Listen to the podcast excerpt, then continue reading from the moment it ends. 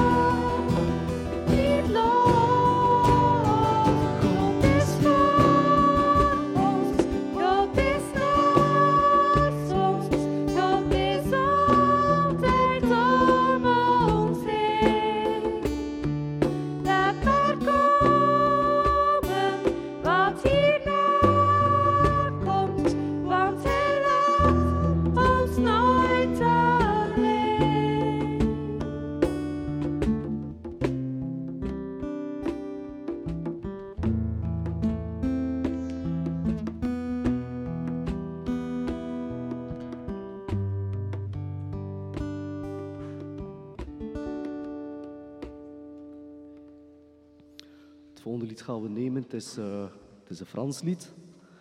Ehm, jullie weten, ik ben opgegroeid in de Franse kerk, dus ik ben ook tot geloof gekomen in de Franse kerk. En eh, het is nog altijd de taal waarmee dat ik zo'n beetje ja, toe moet terugdenken. Het Frans heeft toch wel speciaal iets voor mij.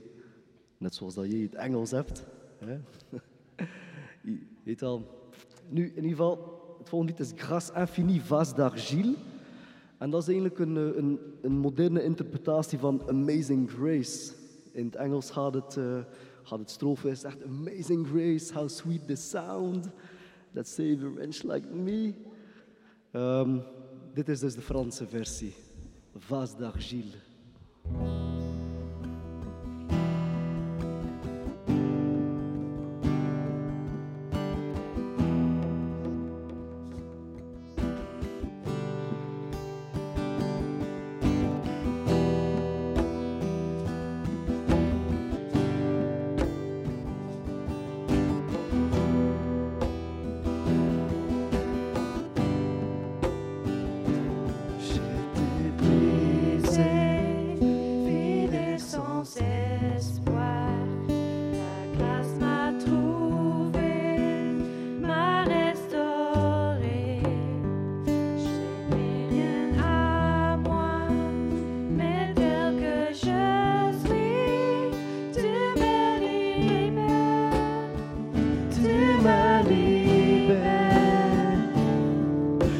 myself.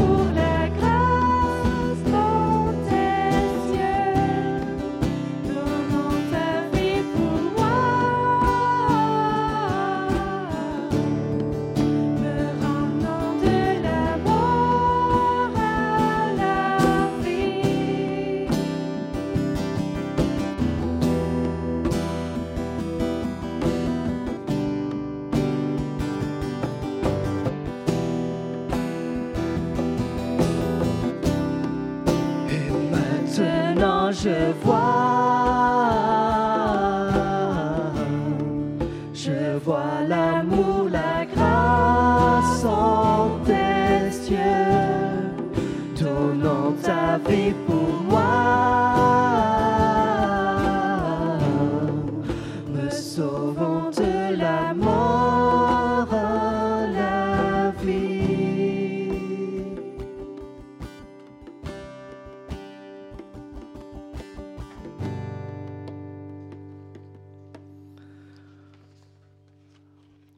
afsluiten met lied U redde mee, En dan geef ik het woord aan Nancy. U redde mee, kunt samen recht staan. U redde mee.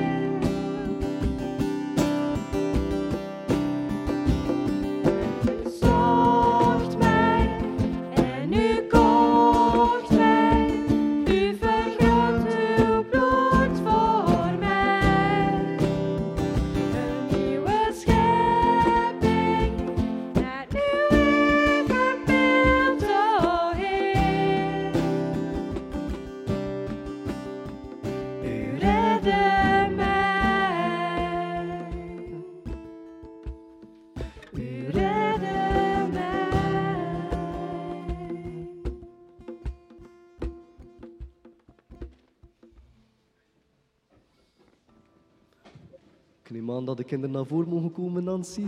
De kinderen mogen naar voren komen. Ik wil het vandaag met jullie hebben over Psalm 139. Allee, ik ga het daarover hebben in de zondagsklas. Ik ga hier al een beetje een keer kijken wat jullie daarover allemaal weten. Ja? En ehm, in die psalm staat er dat God altijd heel dicht bij ons is.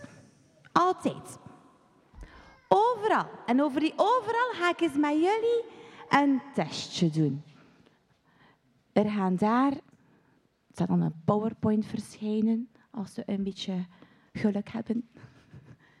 Voilà, dus God is overal. Ik ga eens testen, overal, of jullie wel weten waar dat allemaal kan zijn. Kijk maar, overal. Oei. Herkennen jullie deze vlag? België. Ja, oké. Juist, de volgende. Rood, wit, blauw, als je het niet zo goed ziet. Ik denk Nederland. Helemaal juist. Een beetje verder. Japan. Wauw, zeg wat een slimme kinderen hebben wij hier. Oh, heel veel. Rusland. Nee. Oekraïne. Oekraïne. Brazil. We hebben hier een kenner in huis. Brazilië, wauw. Mai, talent. Spanje. Spanje. Wauw. Israël. Pak maar Israël. Voilà, Pak, maar, pak maar de micro vast. Je weet het allemaal. Engeland.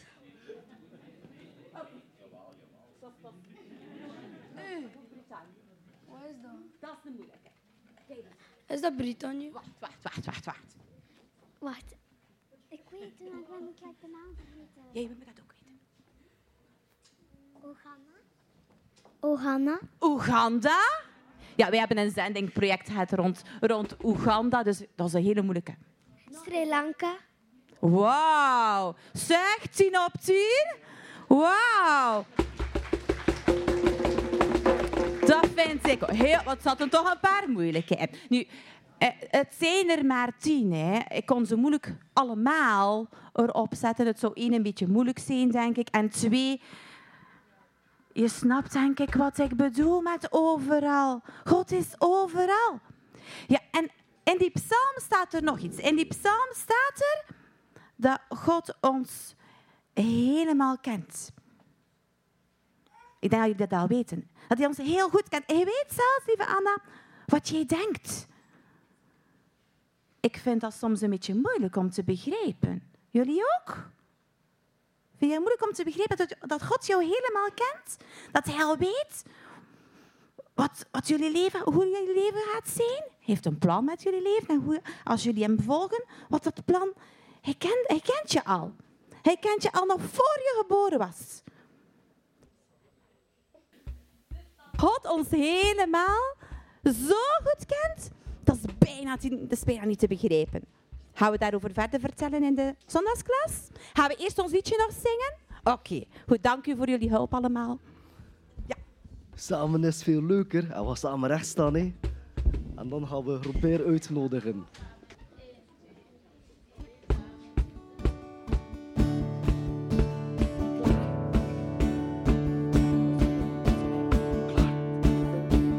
Samen is veel leuker.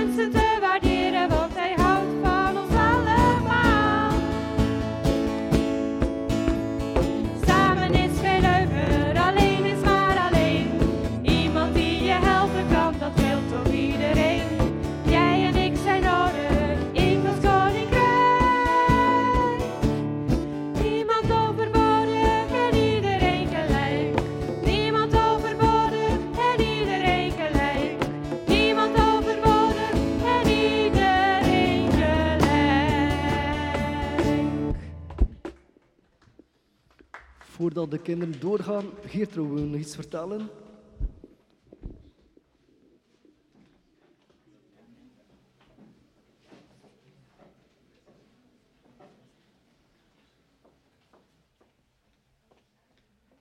Goedemorgen, ik heb nog speciaal nieuws voor de kinderen. Volgende week zijn het inschrijvingen voor de kampen. En ik wil de kinderen warm maken, maar ook de ouders. Het is heel belangrijk dat je op kamp kunt gaan, samen met vriendjes, leren over de Heer Jezus. Sport en spel, hele leuke dingen doen. En Jaël, zij gaat mee als leidster ook op kamp. Ik ga ook nog, ik ben een beetje een oude leidster, maar ik ga ook nog mee op kamp. En ehm, ik zou de informatie een beetje willen doorgeven aan de ouders. Dus het zijn de EJV-kampen. Dus als je op de website gaat van, ehm, E- van het EJV en je gaat bij de kampen, dan ga je al de kampen zien die tijdens de zomer gaan doorgaan. Ja, maar dat is altijd heel spannend. Alle mama's en papa's zitten achter de computer op een bepaalde datum. En dat is 30 januari om 8 uur gaat dat open. En het kamp van Amouji, in 30 seconden zat het vol. Dus ze gaan daar een ander systeem. Ik heb gehoord dat ze een ander systeem zullen doen, want dat is heel moeilijk. En ik zou willen zeggen aan de ouders die denken van ja, wij zouden graag hebben dat onze kinderen meegaan op kamp. Ik ga een keer een voorbeeld geven van een kamp. Het Kleinkamp, dat is de eerste week van de grote vakantie. Ik ga op kunstenkamp en dat is in twee groepen verdeeld, van 9 tot 14 en van 14 tot 18. Kunstenkamp, wat is dat? Als je graag muziek speelt, als je graag tekent, als je graag danst, misschien maak je graag filmpjes, je gaat dat allemaal daar leren op het kunstenkamp. Maar ik ga mee op het kunstenkamp, want daar ga ik lekker koken. Ja. En dan heb je het ook tot de jongeren tot 18. Ja. Een kamp die hier heel dichtbij is, is in Amouji. is een hele mooie locatie. Het is niet ver van hier. Daar gaat Jaël mee op kamp. En ik ga daar ook mee op kamp. Dat is meer een bijbelkamp. Ik ga daar mee om eh, bijbelles te geven aan de kinderen. En Jaël is verantwoordelijk voor de middengroep. Dus Jaël doet verschillende eh, taken. Dus als jullie een weekje weg willen, je kan bij mij nog informatie halen. En voor de ouders, als ze het moeilijk vinden, dan kunnen we bijvoorbeeld vragen. Ik dacht ook aan Ruud, misschien ook een beetje meehelpen om de ouders ehm, te helpen bij de inschrijving. Dus we hebben nu nog een week. Je kan er deze week over nadenken. Maar onthoud goed, maandag 30 januari. Ja, oei, die heb ik ook nog vergeten. Hè. Ja, goed dat je uit zegt. Dus je hebt Gierle van ehm 14 tot... Nee, Gierle is ja, eerste, tweede en derde middelbaar. Dat zijn ook twee groepen in Gierle. En dan heb je het grootkamp, die ook in twee groepen zijn. En dat is vanaf 16 tot 23? Tot... Goed. Dus Jere... Ja? Ja. Ja, dat is dan voor de hele grote. Voilà, je ziet, er zitten hier heel wat enthousiaste leiders. Dus je kan bij Hester gaan, je kan bij Niek gaan, bij Ruud en Jerre, bij Jaël en bij mij. En ik zou de ouders echt aan, eh, aanmoedigen van... Stuur jullie kinderen naar het kamp. Ze moeten leren hun plan trekken. Ze leren heel veel bij en bijzonder. Ze maken heel veel vriendschappen hè, op het kamp. Ja. Wat? Ehm, ik kan ze niet allemaal van buiten. Amouji is altijd het, de laatste week van ehm, juli. Maar kijk, na de dienst ehm, kunnen we dan samen kijken. EJV-kampen, ze staan allemaal onder elkaar.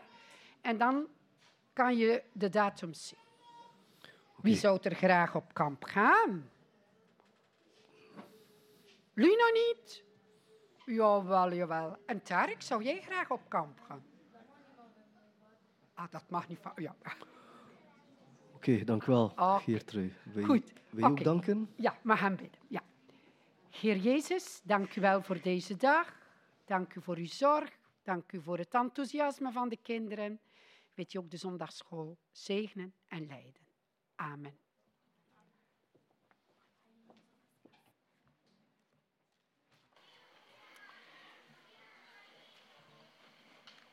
Goedemorgen.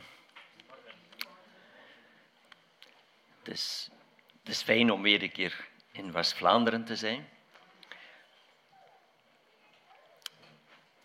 Als eh, ik in Westerlo ben en ik zeg van, ja, ze horen direct van, ja, hij spreekt anders dan hier.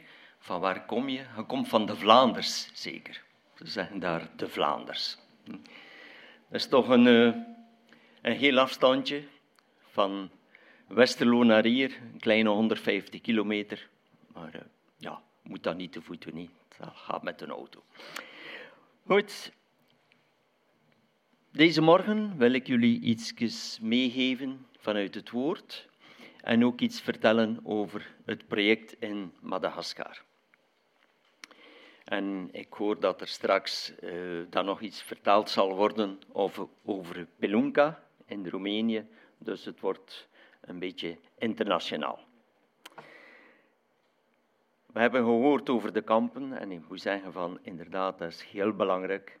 Zend uw kinderen maar mee naar de kampen. Ik heb het zelf, ben zelf ook jarenlang ehm, verantwoordelijk geweest voor een klein kamp hier in, in Vlaanderen. Dat was, dat was altijd tof. Een toffe groep, toffe leiding, toffe kinderen. Dat is zo belangrijk voor de kinderen dat ze dat met leeftijdsgenootjes kunnen meemaken. Ja. Goed, ik wil iets vertellen over Madagaskar. Wij zijn vertrokken in, naar Madagaskar de eerste keer in het jaar 2004. Dat is al heel lang geleden, 2004. En ik zie ons nog vertrekken met elk twee valiezen mee. En dat was het. En eigenlijk hadden we altijd gedacht ook van, ja, wij zijn geen dokter, we zijn geen verpleegsters, we zijn geen ingenieur. Wat gaan we daar wel kunnen doen? Maar ik moet zeggen, als ik terugblik op al die jaren, dan heeft de Heere gezegend. En wij hebben gewoon een stuk in zijn dienst gestaan, maar het is de Heere die gezegend heeft.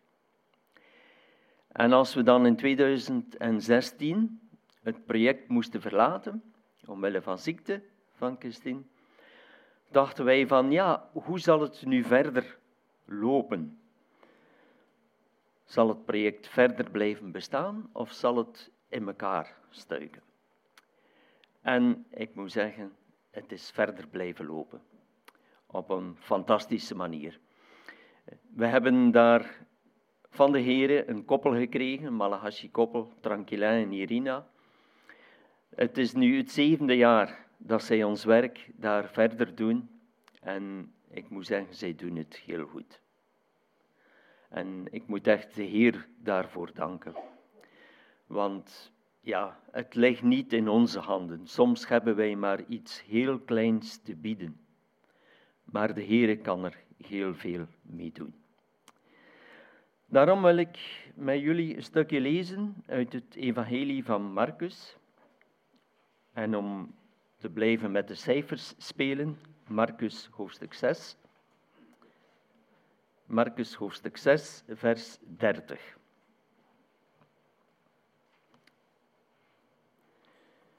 De wonderbare spijziging. Misschien denk je van, ja, dat ken ik van buiten. Maar ik denk dat het toch altijd goed is van nog een keer dat op te slaan, samen te lezen en te zien wat wil de Heer ons hier tonen. Hoe werkt de Heer Jezus hier? Marcus 6, vers 30. En de apostelen kwamen weder samen bij Jezus en berichtten hem al wat zij gedaan en geleerd hadden. En hij zeide tot hen, Komt hier en gaat met mij alleen naar een eenzame plaats en rust een weinig. Want er waren velen die kwamen en gingen en ze hadden zelfs geen tijd om te eten. En zij vertrokken in het schip naar een eenzame plaats alleen. En zij zagen hen wegvaren en velen letten erop. En zij liepen te voet uit al de steden daarheen en waren er voor hen. En toen hij uit het schip ging, zag hij een grote schare en werd met ontferming over hen bewogen, omdat zij waren als schapen die geen herder hebben. En hij begon hun vele dingen te leren. Wat zien we hier? De apostelen waren moe. Jezus zei: Kom, we gaan ons een beetje terugtrekken. We gaan het wat rustiger aandoen. En toen ze terugkwamen, stond het volk al op hen te wachten. En wat zien we? De Heer, de Heer Jezus, werd met ontferming over hen bewogen. Met ontferming. Zo prachtig. Barmhartig. Hij zag de last, de moeite, de zorg die de mensen hadden. Hij werd met ontferming bewogen. Hij ging niet uit het schip om, om de eer te zoeken, zoals sommige politiekers doen. Nee, hij ging uit het schip omdat hij met ontferming bewogen was voor de mensen. Omdat zij waren als schapen die geen herder hadden. En we weten, de Heer Jezus is de goede herder, onze goede herder. En hij wil ons als schapen leiden. Wij zijn zijn kudde hier. Vers 35. En toen het reeds laat geworden was, kwamen zijn discipelen tot hem en zeiden: De plaats hier is eenzaam en het is reeds laat. Zend hen weg, dan kunnen zij naar de gehuchten en dorpen in de omtrek gaan om voedsel voor zich te kopen. Maar hij antwoordde hun en zeide: Geeft gij hun te eten? En zij zeiden tot hem: Zullen wij dan voor 200 schellingen brood gaan kopen en hen te eten geven? En hij zeide tot hen: Hoeveel broden hebt gij? Gaat eens zien. En toen zij het nagegaan hadden, zeiden zij: Vijf broden en twee vissen. En hij droeg hen op dat allen groepsgewijze moesten gaan zitten op het groene gras. En ze gingen zitten in groepen van honderd en van vijftig. En hij nam de vijf broden en de twee vissen, zag op naar de hemel, sprak de zegen uit en brak de broden en gaf ze aan de discipelen, dat die ze hun zouden voorzetten. En de twee vissen verdeelde hij onder allen. En ze aten allen en werden verzadigd. En zij raapten de brokken op, twaalf manden vol, en ook van de vissen. En die de broden gegeten hadden, waren vijfduizend man. Wat zien we? De Heere werd met ontferming bewogen. En het eerste wat hij deed was, hij vroeg aan zijn discipelen, hoeveel broden hebben jullie? Hij vroeg met andere woorden, hebben jullie iets? Hebben jullie iets te, bieden? En toen ze zeiden van, ja, nee, dan zei Jezus nog een keer van, ja, ga eens kijken. Als je zelf niet niks hebt, ga dan een keer kijken. Misschien in die grote schare zit er een bakker en een beenhouwer. Zit er een, een beenhouwer met wat worsten, die heb, hier heb je zien staan. Of is er een bakker met wat broodjes? En wat vonden ze? Vijf broden en twee vissen. Voor vijfduizend man staat er. Vrouwen en kinderen niet meegerekend. Dus eigenlijk zou je kunnen zeggen dat Gods benodigdheden voor het wonder, die zaten in een plunjezak van een kind. Vijf broden en twee vissen.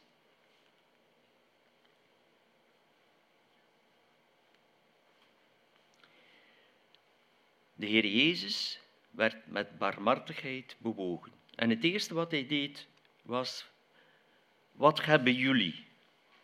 Dat is de vraag. Wat hebben jullie? Het tweede was, ga een keer gaan kijken. En dat weinige dat ze hadden, vermenigvuldigde de Heer Jezus.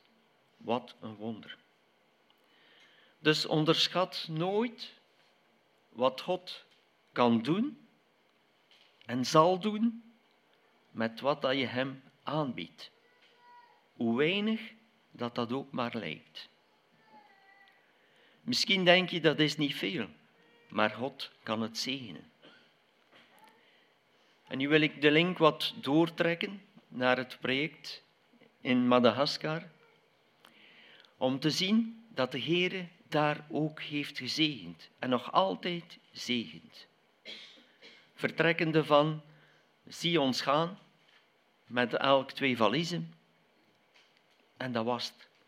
Maar de Heer heeft gewerkt. Vijf broden en twee vissen.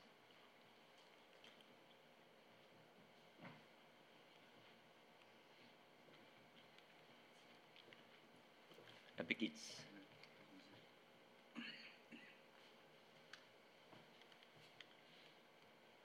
Oké. Tranquilin en Irina, de Heere heeft hen op ons pad gebracht. Zijn fijne christenen die zich echt voor 100% inzetten voor het werk van de Heer.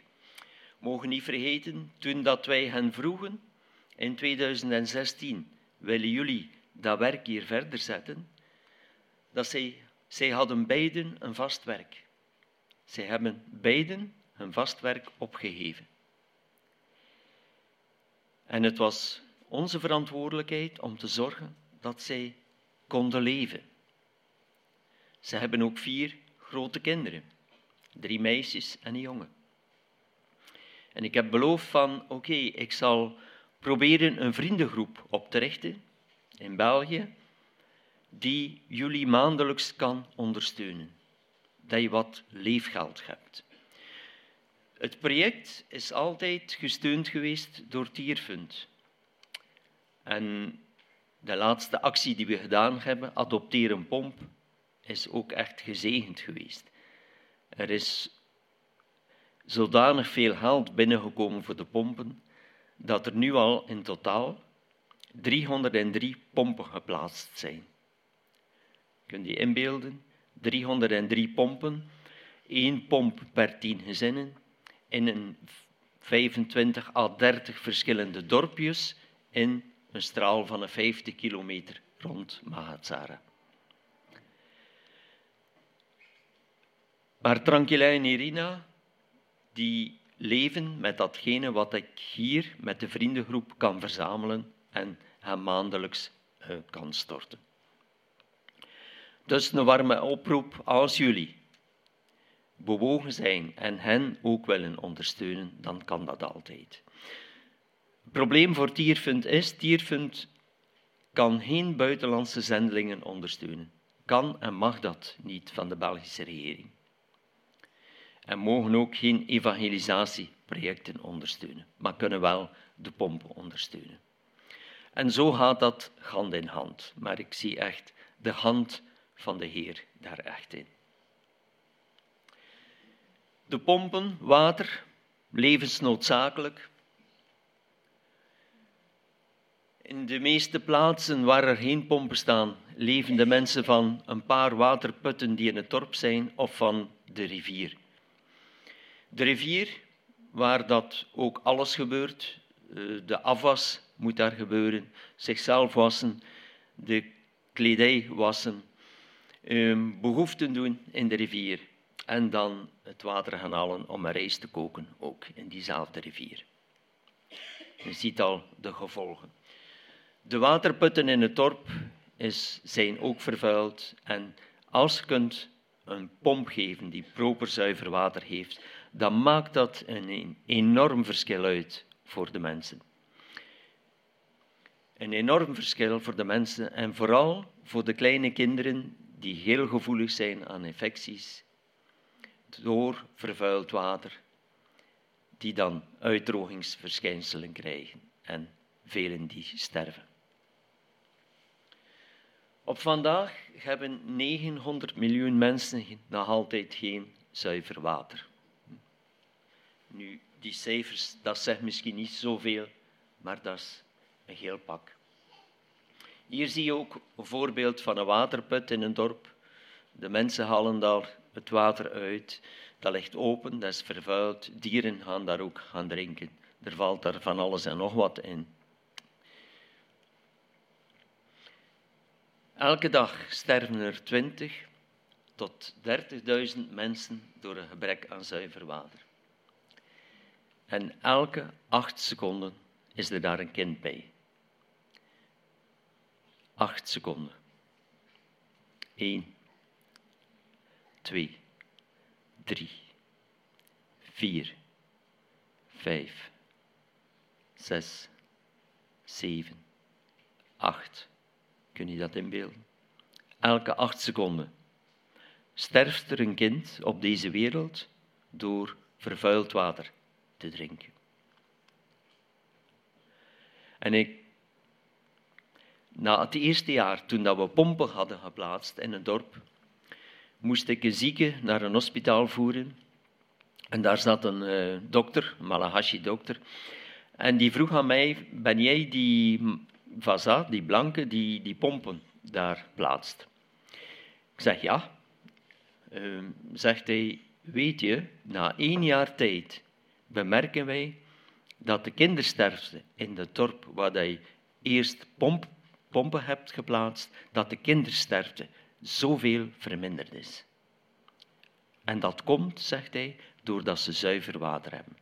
Toen dacht ik van, wauw, heren, dank u wel. Dank u dat hij daarvoor gezorgd hebt. Dat, is, dat, ja, dat maakt u zo gelukkig als je ja, dat kunt horen en, en beseft van, oké. De waterpompen, je ziet een voorbeeld ervan. Er wordt ook een sokkel gemaakt in beton, een afvoerkanaaltje, een omheining er rond enzovoort. De betonnen voet is belangrijk. De meeste mensen en kinderen lopen blootvoets. Als je geen afvoer kunt doen voor het water, dan is dat één modderpoel rond die pomp.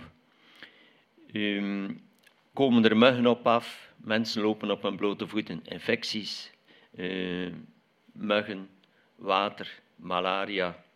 Is één cirkel en dat kun je een stuk doorbreken. De kostprijs voor die pomp, dus met alles erop en eraan, uh, die is tot nu toe 300 euro. Nu, die prijs moet een keer herbekeken worden, want de prijs van de cement is de laatste twee jaar ook enorm de hoogte ingegaan en van ijzer ook. Maar goed, voorlopig lukt dat nog. Dat is het begin van de pomp. Dat water ziet er niet al te zuiver uit. Dat is zo de eerste malen dat je pompt. Maar na een aantal emmers is dat water heel proper uitgraven van de putten. Soms dat, kan dat, zoals hier op die dia, um, is het in het dorp is er zandgrond en dan moet je je put groot maken, anders valt dat zand iedere keer in. Andere plaatsen gaat dat gewoon, als er kleigrond is, gaat dat gewoon met een buis inkloppen. Dus alles gebeurt manueel. Er komen geen machines aan te pas. Het zijn heel eenvoudige pompen die ook ter plaatse zelf gemaakt worden. Dus, uh, je ziet dat water hier is al veel properder. Er zijn al een paar emmers uitgepompt. Dus we testen dat dan een paar weken. En is die waterput goed, uh, is die pomp goed, dan gieten we de betonnen sokkel en de omheining enzovoort. Dat is een, een pomp die staat uh, naast het atelier, waar dat de pompen gemaakt worden. En dat mannetje was eh, aan het pompen en een liedje aan het zingen die hij in de zondagklas eh, geleerd had. Als het lukt, straks gaan we daar eh, een filmpje van zien. Dat is het project in Fugitrinuru. Fugitrinuru is een dorpje gelegen over de rivier, waar dat er waterputten waren, maar waar dat het water niet goed was. We kregen dat water niet goed. Het water dat we oppompten, was dat 7 meter, 8 of 9 meter. Dat, dat water was niet goed. Maar niet ver van het dorp was er een bron, of is er een bron. Maar de mensen moesten iedere keer naar die bron toe gaan om goed water te hebben. Ja, dat was in, in 2020, nog voor de corona, de laatste keer dat ik daar geweest ben. En hopelijk dit najaar kan ik eh, nog een keer samen met Linda nu eh, voor een paar maanden naar Madagaskar gaan. We zien er naar uit. We hadden gedacht van verleden jaar al, maar verleden jaar was te veel geweest. Twee verhuizen, een trouw enzovoort. Dat was een beetje te veel. Dus hopelijk zal het ons dit jaar lukken om er naartoe te gaan. Op weg naar Fugitrinuru, je ziet het, door het regenwoud een stuk, door de modder. En ja, dat is echt de rode aarde van Madagaskar. Als je een satellietfoto bekijkt van Madagaskar, ga je zien dat uh, kilometers ver in de Indische Oceaan een roodbruine uitvloei is van de aarde, van de erosie in feite uh, van het land. Dat is de waterput ook bij het schooltje daar in Fugitrinuru. En dat is de weg naar de bron. Maar om daar water te gaan halen, zie je het, je moet over gladde stenen, platte stenen die nat zijn, waar dat er al heel wat mensen gevallen waren, uitgegleden. Hier zie je een paar kinderen water gaan halen op die gladde stenen. En we hadden het idee opgevat om, zou dat niet mogelijk zijn, om dat water vanuit die bron op te vangen, een barrage te maken, filters te plaatsen en buizen te leiden tot in het dorp. We hadden een waterbouwkundige ingenieur gevraagd van de hoofdstad in Madagaskar. Die heeft dat allemaal uitgedokterd. Dat kon lukken. Dus we hebben dat project gestart. Dat project is beëindigd nu en het, het werkt heel goed. Maar in het begin geloofden de mensen niet dat we dat water tot in het dorp zouden krijgen. Zeiden ze van dat kan niet, dat dat water tot in ons dorp zal geraken. Maar je gaat zien de verschillende stappen die we gedaan hebben.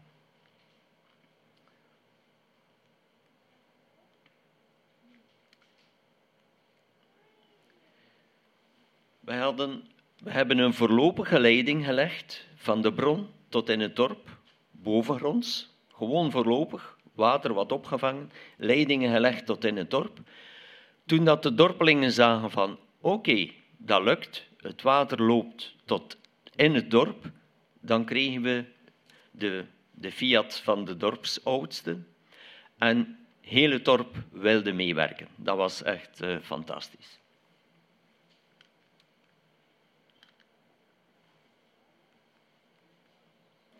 Hier zie je met man en macht helpen om uit te graven.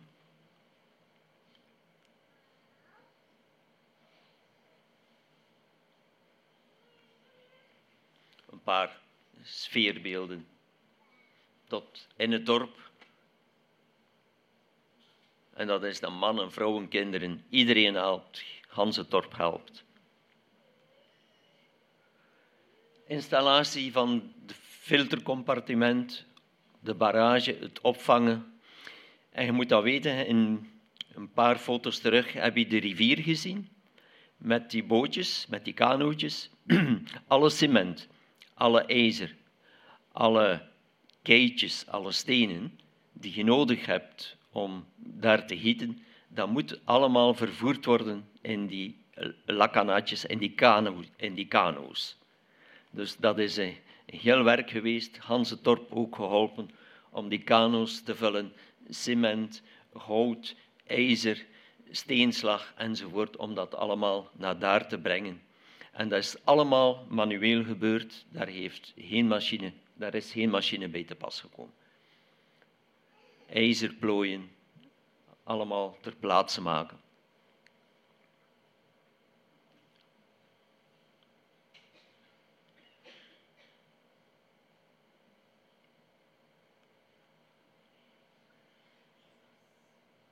Voilà, je ziet hoe dat het een beetje vorm krijgt. Het filtercompartiment, dus er zitten drie filters op. Dus, en rond de bron kan er nu geen vervuiling meer zijn ook. Dat is, alles is afgezet. En dat is een voorbeeld van een aftakpunt in het dorp. Er zijn dus zeven zo'n aftakpunten in het dorp. Dus zeven kranen in het dorp geplaatst met het water rechtstreeks vanuit de bron. Een ander deel van het project is evangelisatie. Iedere zaterdag wordt er een bepaald dorp op evangelisatie gegaan. Soms is dat met de kleine generator mee, omdat we dan een filmpje afdraaien, s'avonds. Um, en dat is, ja, door het water, door de rivieren, een dorp in de Broese gaan bezoeken. Want je kunt je dat niet inbeelden, als je hier vanuit België bent, dat, dat mensen hier zouden komen vragen van, kom een keer vertellen over die Heer Jezus. Kom een keer vertellen wat dat er in, je, in dat boek, in die Bijbel daar staat. En, en dat is de vraag, nog altijd, vanuit de dorpjes van, kom een keer vertellen. En we kunnen niet voldoen aan de oproep. Dat is echt, dat is echt een zegen.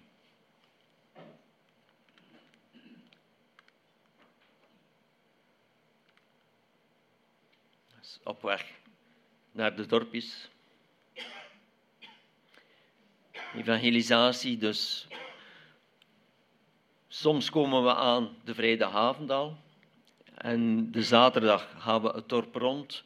Wordt er verteld van, kijk, uh, vanavond gaan we een film draaien en vertellen we al van deur tot deur, zodanig dat de mensen op de hoogte zijn dat tegen de avond iedereen zich verzamelt op het dorpsplein. Dat is een plaatselijk kerkje, dat is wat anders dan hier, maar dat gaat ook gezellig dicht bij elkaar. Dat was na de cycloon, het kerkje, het dak en, en de muren waren ingevallen. En nu, eergisteren, was de eerste cycloon van het land. De, ben nu de naam kwijt, maar het was de eerste cycloon dit jaar die dus de streek voorbij getrokken is. Gelukkig niet te veel schade veroorzaakt. Maar dat zijn zaken waar dat je uh, meer rekening moet houden. Ben nu nog aan het denken op de naam. Shea. Ja, ik weet het niet meer. Maar goed. Dus na de cycloon, oké, het kerkje opnieuw moeten opbouwen. Maar ondertussen is er wel een huis waar dan men zegt van oké, kom maar hier samen, waar dat de kerkdienst uh, kan gehouden worden. Zieke kinderen, ja, naar het hospitaal voeren, uh, dat behoort ook tot de taken van Tranquilla en Irina. Dat waren twee jongens die hier op de, op de bil een infectie hadden. Twee jongens van een jaar of twaalf.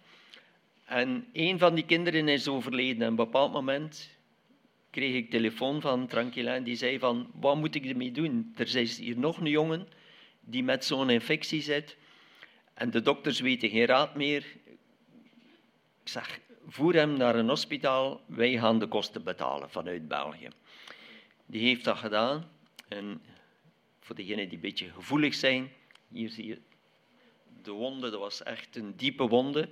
Maar die jongen is genezen. Die jongen loopt rond als geen één, die is volledig genezen. Ja, prijs de Heer. Hoe dat ze leven, keukentje. Denk een keer hoe dat jullie keuken eruit ziet. Dat is hun keukentje daar. Open je hart voor deze kinderen die nood hebben aan proper water, die nood hebben aan de blijde boodschap, want dat gaat altijd samen. Het water en het levende water samen.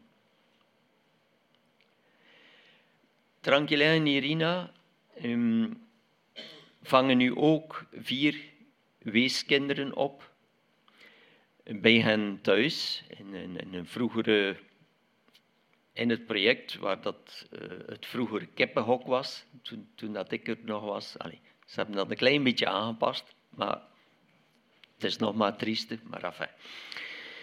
Weeskinderen hebben niet zoveel in de streek daar. Als bijvoorbeeld de ouders overlijden, worden die kinderen meestal opgevangen door broers of zussen, door familie, maar die worden gebruikt als goedkope arbeidskrachten. Dat wil met andere woorden zeggen, zij moeten water gaan halen, zij moeten zorgen voor de rijst, zij moeten zorgen voor de koeien, enzovoort. En ze mogen niet naar school gaan. En Tranquilla en Irina hadden zo vier weeskinderen dat ze zegden van, allee, dat kan niet, wij moeten die kinderen ook dezelfde kans geven. En ze hebben die met akkoord van de familie bij zich genomen en die kinderen kunnen nu, nu naar school gaan en krijgen daar ook uh, eten en verzorging. Ondertussen zijn zij ook bezig met kinderen die na het lager, dus vanaf het middelbaar, moeten die om naar school te kunnen gaan een vijftiental kilometer verder gaan. 15, 20, 30, dat hangt ervan af waar dat die kinderen wonen in de Broesje. En hoe doen ze dat? Gewoonlijk huren ze samen een hutje in een stadje waar dat die middelbare school is. Huren ze met een stuk of vijf of tien soms een hutje. Zij maken samen eten, zij kunnen echt hun plan trekken. Eh, ze doen hun eigen was enzovoort. En nu zijn Tranquilla en Irina ook aan het kijken om zo een aantal hutjes samen te huren in dat stadje waar dat die middelbare school is. Dat is een vijftiental kilometer van het project. Opdat daar de kinderen ook in goede omstandigheden toch middelbaar onderwijs zouden kunnen volgen. Dat is nu iets die in de laatste jaren erbij is gekomen. Dus die zorg voor die vier weeskinderen in een huis zelf. En dan de opvang van kinderen die een middelbaar onderwijs willen volgen.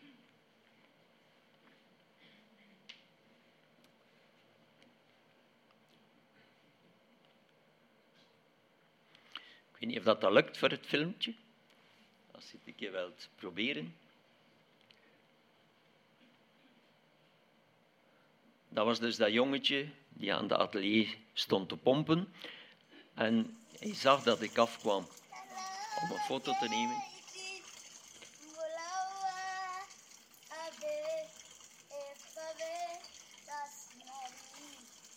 Ik kon niet stoppen met pompen.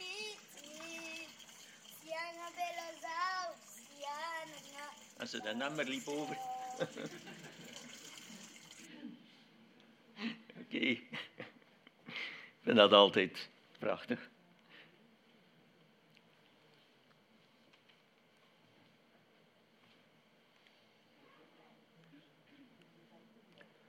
Oké. Okay.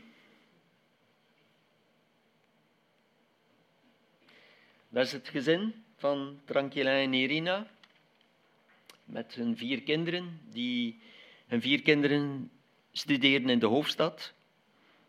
Dus dat wil ook zeggen een dagreis ver van het project. Um, ja, dat is ook een opoffering, niet bij hun kinderen zijn. En ja, Irina gaat regelmatig een keer naar de hoofdstad, of Tranquillin. Ja, dat was in 2020 getrokken nog. En ik hoop dat ik later verslag kan uitbrengen als ik eind dit jaar er geweest ben om wat te vertellen hoe dat alles verder loopt. Dat was het wat ik jullie wat wilde meegeven. Ik heb nog een nieuwsbrief en ik zou het fijn vinden. Ik heb er voldoende mee. Moesten diegenen die wat geïnteresseerd zijn een nieuwsbrief willen meenemen. Daar staan ook wat gebedspunten op waarvoor dat je kunt bidden in de loop van het jaar. Ehm, en ja, als je wilt bidden voor Tranquila en Irina, dank u wel daarvoor, voor het project. hè, dat het verder mag gezegend worden. Ik wil afsluiten met gebed. Dank je.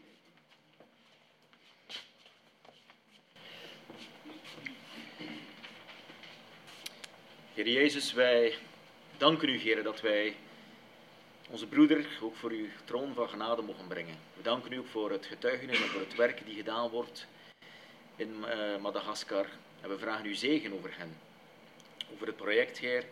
En we danken u dat we inderdaad alles in uw handen mogen leggen. Dat u inderdaad een God bent die bouwt. En God waarin we kunnen vertrouwen, Heer. En God die met ons meegaat, met ons meedenkt. En ik wil u ook bijzonder Robert en zijn vrouw de zegen toebidden, Heer. Wilt u ze zegenen, ook als ze het komende jaar of de komende tijd ook naar daar willen gaan, wilt u ze zegenen, Heer. Omdat ook zij tot eh, steun mogen zijn voor de mensen al daar. We danken u, Heer. En mogen we ook niet nalaten om voor hen te bidden. Voor het project, voor de mensen al daar, Heer. Want we weten dat het gebed veel vermacht. Dank u wel, Heer. In Jezus' naam. Amen. Ja, Vader God, ik wil u danken omdat u zo'n wonderbare God bent, zo'n grote, almachtige God, Heer. U bent de God van wonderen, Heer. Ja, het kleine wat we kunnen geven, Heer, wat we hebben, wat we tenslotte ook hebben gekregen van u, dat we dat in uw handen mogen leggen en dat u het zegent. En Heer, ik wil u bidden dat u het project in Mahatsara, het project Timothy, verder wilt zegenen, Heer dat u het gezin van Tranquila en Irina wilt beschermen, Vader. En dat zij verder ja, mogen werken in uw dienst, Heer. Uw blijde boodschap mogen uitdragen. Dank u, Heer, voor uw rijke zegen. Amen. Laten we samen recht staan. Show us more of you.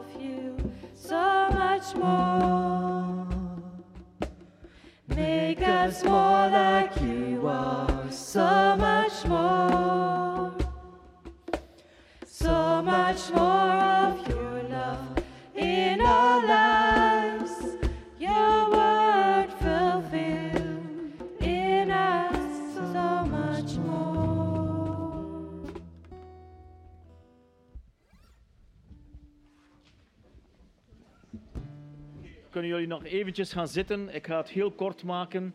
We hebben blijkbaar een zendingszondag vandaag. We hebben al het een en het ander gehoord over Madre over Madagaskar. En ik ga het heel kort houden. Het gaat dus nu ga ik een, een eh, diaprojectie tonen van eh, het project van Pelunka. Zoals jullie weten werkt onze BAVO in Pelunka. Dus we zijn natuurlijk als ouders zeer enthousiast om dat project voor te stellen. Dus hebben we ook hier een heel team uitgenodigd om eh, braadworsten te eten en cola te drinken. Dus ik hoop, als jullie ons goed gezind zijn, dat jullie tenminste allemaal twee braadworsten en twee cola's kopen. Want het gaat allemaal naar het project. Dus in het kort komen ehm, Jessica en Thijs Prim met hun kinderen in april een voorstelling doen. Dus ik ga dat nu niet meer voorstellen. Ze werken in Roemenië. Ze werken onder de Zigeuners. En ik moet eerlijk zeggen, als ik de beelden zie van Afrika, dan denk ik, die Zigeuners, ach, ach, ach, ik heb er echt een, een, een diehoe van. Ik moet dat eerlijk zeggen. Ik, kan, ik heb daar enige binnengaan in dat dorp en ik heb echt een diehoe van. Ik vind dat zo mensonwaardig, echt mensonwaardig hoe dat die mensen leven. En pas op, ze kiezen er ergens zelf voor. Dus het is de bedoeling van Jessica en Thijs en Bavo en eh, Salina, de vriendin nu van, uh, van uh, onze Bavo, om die mensen te helpen. En in de eerste plaats met de kinderen. Maar ik ga het daarbij laten. De rest gaan jullie zien, allemaal hier op die diaprojectie. Ze komen in april, jullie kennen het project, maar ik wil nog een paar praktische punten afspreken in verband met de worsten. Dus een worst en een cola, of een limonade of een glas water kost 5 euro. Dus voor 5 euro, of misschien 10 euro, hebben jullie gegeten. Er, er zijn geen bonnetjes, er wordt niets afgerekend. We hopen op jullie eerlijkheid, dat jullie zeggen van kijk, en jullie kunnen jullie geld of jullie bijdrage allemaal in de collectebus uh, deponeren. We hebben 140 worsten besteld, dus die moeten op. Die zijn betaald. Dus uh, ik hoop dat jullie genieten van dit gezellig samen zijn. Dus ik zal nog afsluiten in gebed. Karin heeft nog een mededeling. Ja, je kunt inderdaad ook overschrijven. Het is de bedoeling, het is hier niet gratis. Als jullie willen geven, heeft. Maar het is niet de bedoeling dat we hier maar bonnelijken staan, dat we alles gaan controleren. We zijn christenen, het is allemaal voor dezelfde doel, het is allemaal voor God. En we hopen dat jullie in alle eerlijkheid zelf bijhoudt wat jullie kinderen en wat jullie zelf eten. En dat dan overschrijft of in de, de collectebus. Die collectebus hangt al 25 jaar achter u. Oké, we gaan bidden. Heer Jezus, wij danken u, Heer, dat wij als gemeente ook zendingsprojecten mogen ondersteunen. We danken u, Heer, dat gij ons dat op ons hart wilt geven, dat we inderdaad mogen meedenken of meevoelen of meebidden of meehelpen aan onze medemens die het heel wat moeilijker heeft dan ons, Heer. Dank u dat we hier die, ja, dat, die luxe hebben, Heer, dat we kunnen geven, dat we mogen geven. En inderdaad, geef ons ook een vrijgevig hart. We danken u want dit alles willen we doen tot lof en eer van uw naam. Heren, dank u wel. Amen. Dan wens ik jullie allemaal nog een fijne maaltijd straks. Nog een Mieke? Ja, ja dan doe maar, doe maar. Dat mijn zondag is. Dus toen wij naar Australië geweest zijn, zaten wij daar uh, op de basis van jeugd met een opdracht. En uh, mensen worden, zij willen mensen stimuleren, vooral jonge mensen, als je hier een ervaring wil opdoen, als je hier iets wil meemaken, jonge mensen maken graag ervaringen mee, ga een keer voor een korte periode op outreach. Als het goed vakantie is, ga een keer twee weken naar Roemenië, of ga een keer naar Nepal voor een keer een maand, of dichterbij. Maar het is de bedoeling dat jeugd met een opdracht jonge mensen warm maakt om een keer zelf te ervaren wat het zendingsleven precies inhoudt. Of daar toch een keer een smaakje van te hebben. Dus jonge mensen, als jullie, uh, mensen die nog studeren of ik weet niet, een keer goesting hebben om iets van het zendingsleven te ervaren, ga een keer op een of andere outreach voor twee weken, drie weken, een maand. Je kunt dat zelf kiezen. Dat wou ik nog zeggen. Eenmaal, andermaal, finish.